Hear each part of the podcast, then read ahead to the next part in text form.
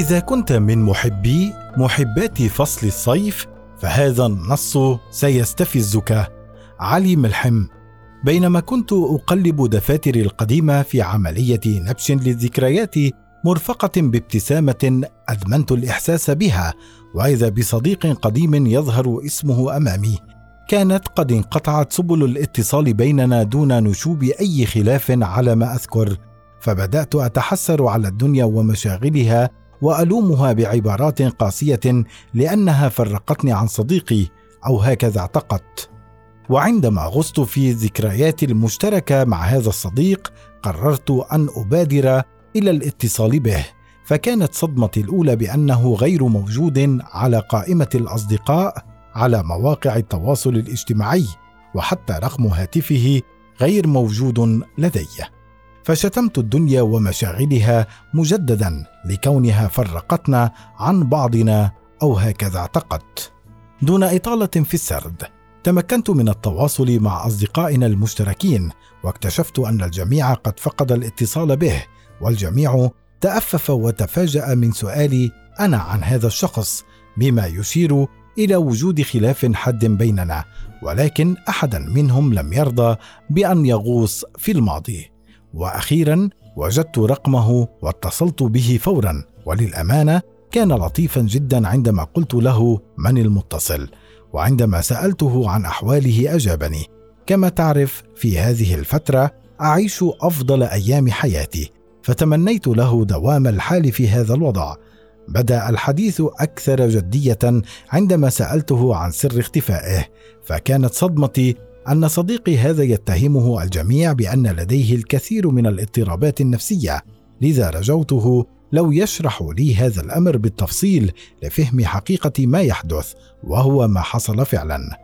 بدأ يسرد أمامي التشخيص المجتمعي له وكانت صدمتي حين قال لي إن العديد من الأصدقاء كانوا قد شخصوا حالته بالمازوشية فقاطعته هنا متسائلا عما إذا كان يسرد على جميع الأصدقاء حياته الجنسية حتى أجمعوا على هذا التوصيف فأجابني بالنفي ولكن بعد مراجعة المختصين وبحسب طبيبه المعالج فإن صديقي يعاني من حالة نادرة لا أساس علميا لها ولكنها موجودة مازوشيه لا بحسب قواعد علم النفس وإنما بحسب علم الميتيورولوجي. وعندما سألته عن العلاج ضحك وقال كما تعلم يا صديقي الحياة فيها الكثير من التناقضات التي ستظهر في اذواقنا وآرائنا في كل شيء.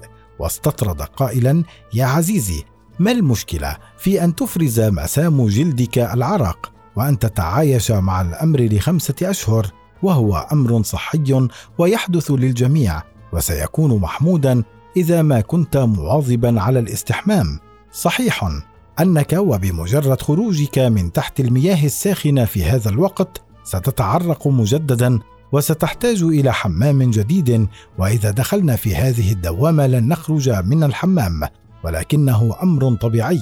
وبينما كنت أظن أن صديقي قد شت عن الحديث وأدخل المواضيع ببعضها البعض وجدته يكمل حديثه قائلا. أشعة الشمس تحتوي على فيتامينات مفيدة للجسد.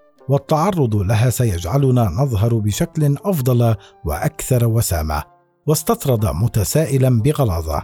هل سمعت أغنية تتغنى بغير البشرة السمراء؟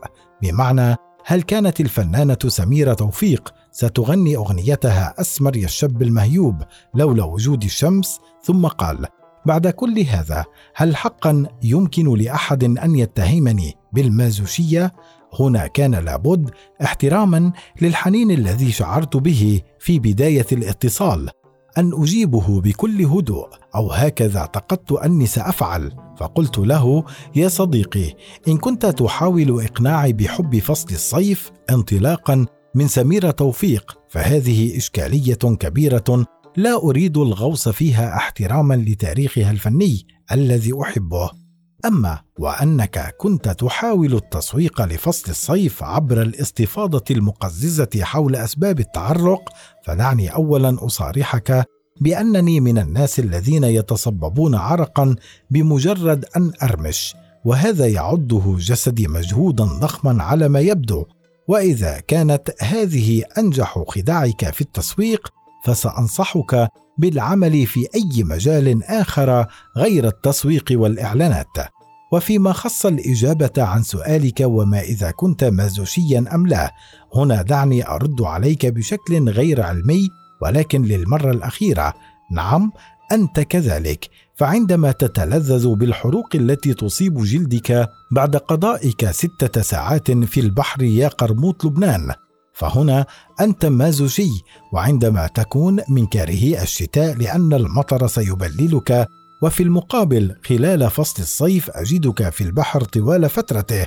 فهنا أيضا تصنف مازوشيا وعندما تكره البرد ولكنك تنتظر فصل الصيف كي تشغل التكييف فأنت مازوشي وأخيرا وليس اخرا عندما تتلذذ بخروج الحشرات من اوكارها والتي قد تمنعك في الكثير من الأحوال من النوم في فصلك المفضل فنعم أنت مازوشي هنا حاول أن يقاطعني ونعتني بالبطريق ممازحا فظن أني تجاهلت ذلك ولكن ما هي إلا ثوان حتى أكملت حديثي مبتدئا بعبارة اسمع يا ناقة إذا كانت سميرة توفيق في أغنيتها الشهيرة أسمر يا الشاب المهيوب تستثيرك ونحن في شهر تموز يوليو فأنت مازوشي وربما أكثر وإذا كانت سميرة توفيق تحب الصيف وترى أن الهيبة تعرق الشاب الأسمر بشكل فواح فنعم سميرة توفيق هي أيضا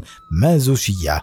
وبعد نقاش دام أكثر من ساعة وبعد أن أفرغت طاقتي العصبية النابعة من كره للحر الشديد والرطوبة في تلك اللحظة تذكرت أني قد وقعت في فخ نصبه لي أول الاتصال حين سألته عن حاله وتمنيت له دوامه فلطمت وجهي بعدما فهمت سبب سعادته وبدأت أكيل له الشتائم والسباب وأعتذر من الدنيا لا بل أشكرها لأنها أبعدتني عن صديقي هذا ولكن لكي لا ينتهي الاتصال بشكل سلبي. وقد أدرك صديقي هذا جيدا أنه لن يتكرر إلا بعد عشرة أعوام أو أكثر.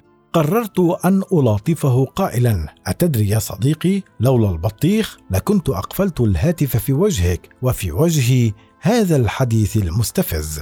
وهنا تبادلنا جوقة دجل اجتماعي حين أراد أن يسترضيني بالتحدث بالإيجاب عن الكستناء وكأنها من بقية أهلي ولم يكن يدرك أنها لا تعنيني مطلقا.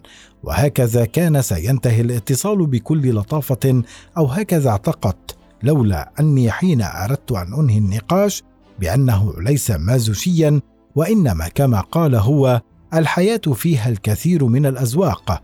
وشددت على أنه سيكون آخر شخص يمكن أن آخذ منه أي نصيحة. وجدته يتهمني بالراديكالية وكوني أكره مصطلحات ال neo مثقفين شتمته بألفاظ أثلجت قلبي ونحن في نهاية شهر تموز يوليو فكانت بكل جدارة. happy ending لذا سررت.